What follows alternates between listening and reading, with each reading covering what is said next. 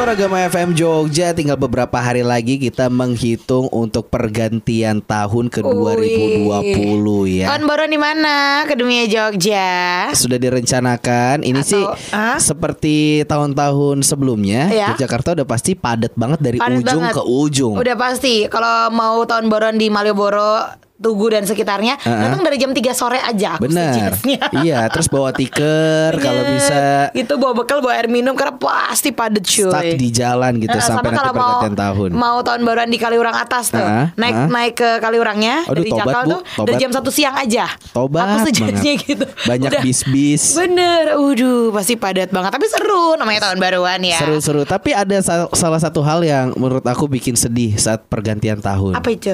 Aku selalu memikirkan apa yang sudah aku lakukan di tahun ini, Bu. Yes. Apakah bermanfaat Yes. atau justru banyak negatifnya gitu nah, loh. itu dia. Jadi curhat loh Bu ini saya, Bu. Gak apa-apa, gak usah kayaknya seneng banget rasanya ya. Nggak ini gak sedang. Oh. Orang kan lagi sedih Oh, dari lagi awal. sedih. gitu. Tenang aja, jangan sedih Dito.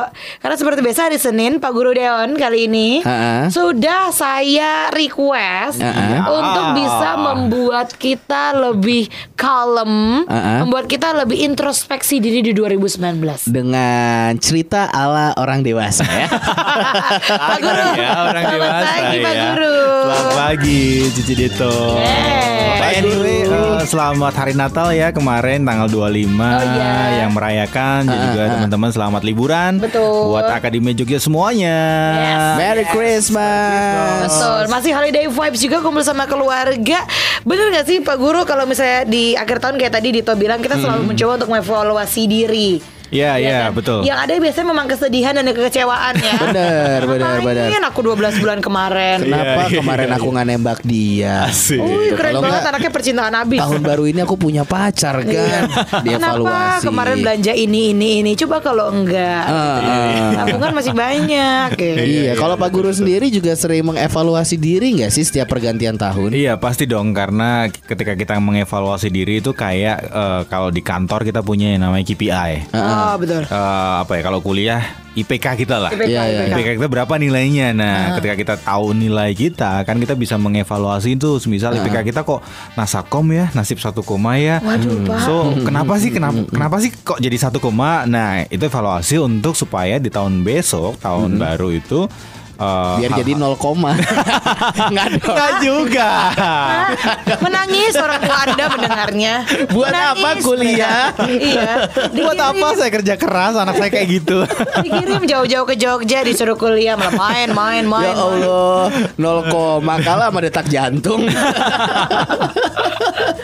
Iya kalau kemarin kita sudah belajar bagaimana kita membuat resolusi di Yes. tahun baru. So kita sekarang akan belajar gimana kita evaluasi di tahun ini. Ya seru nih.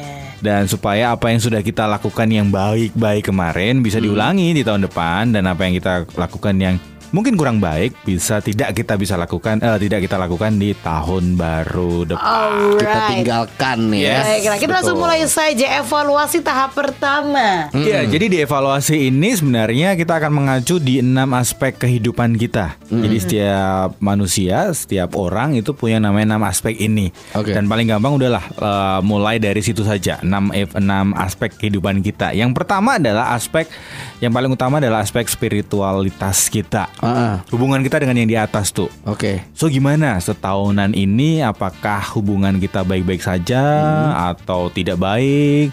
Apakah semakin dekat atau semakin menjauh atau jauh banget? Iya, iya, iya. Makin ke banget. kiri akhlak ya. Aduh, duh, Iya, duh, duh, duh, Jangan duh. sampai.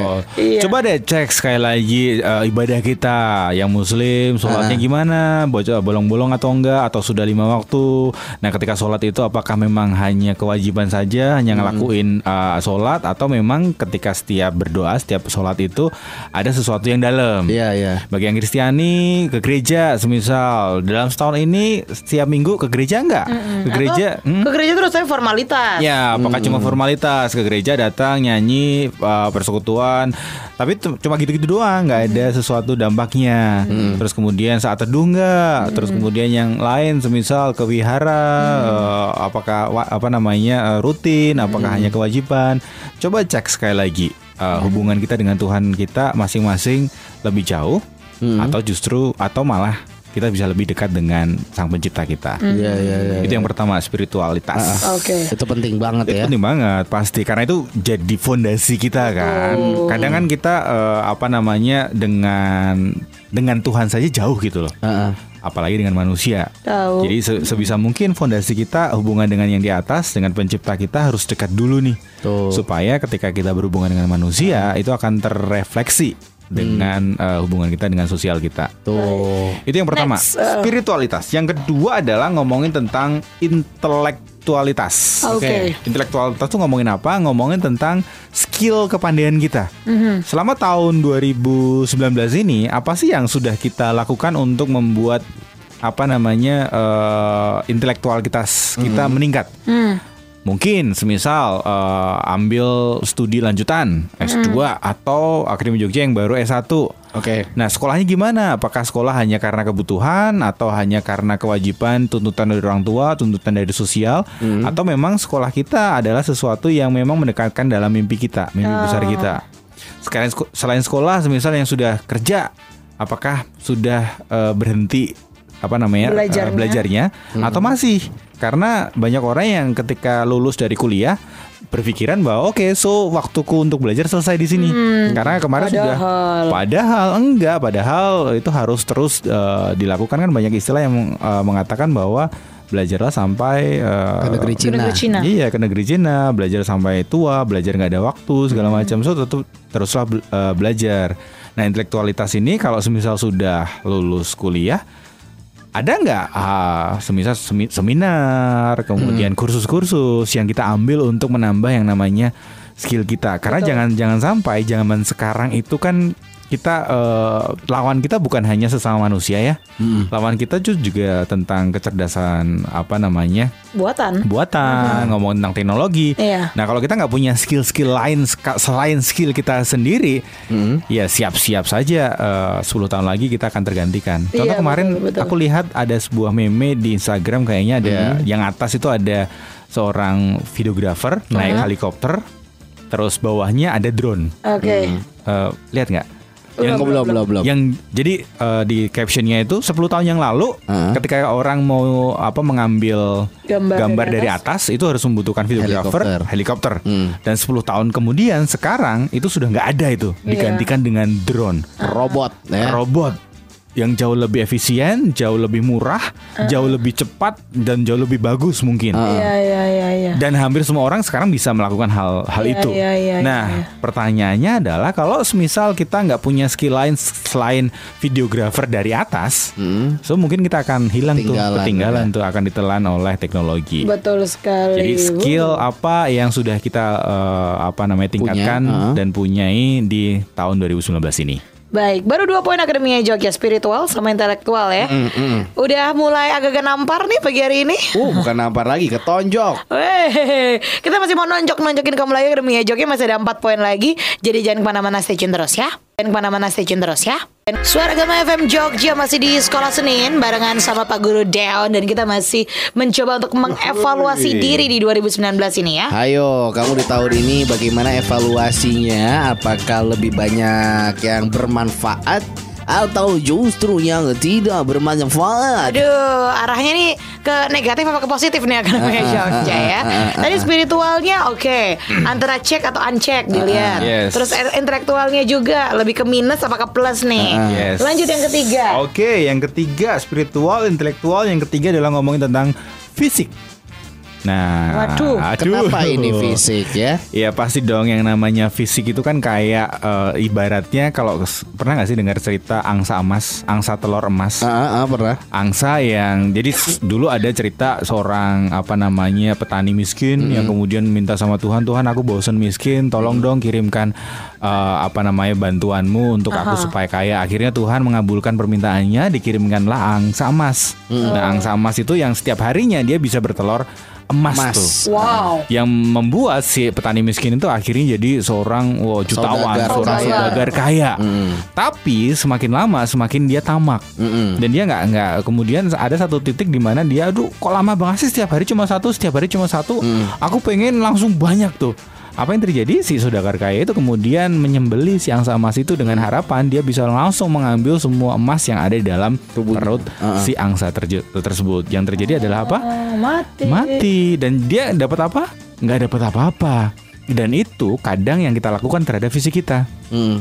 Kita tahu fisik kita itu adalah angsa emas itu. Hmm.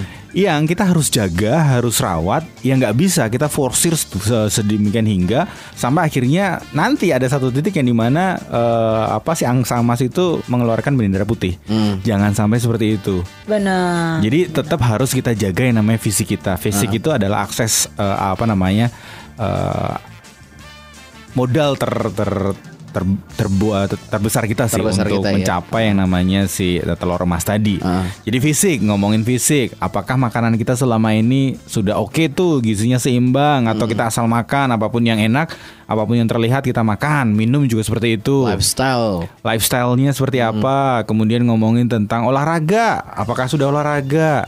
Olahraganya sudah teratur belum? Oh ya mas, aku udah olah- olahraga ini. Oke, berapa lama? Ya setengah jam. Oke, berapa kali sebulan? Ya paling seminggu atau sebulan sekali. Ya sama saja, boh. Sama aja.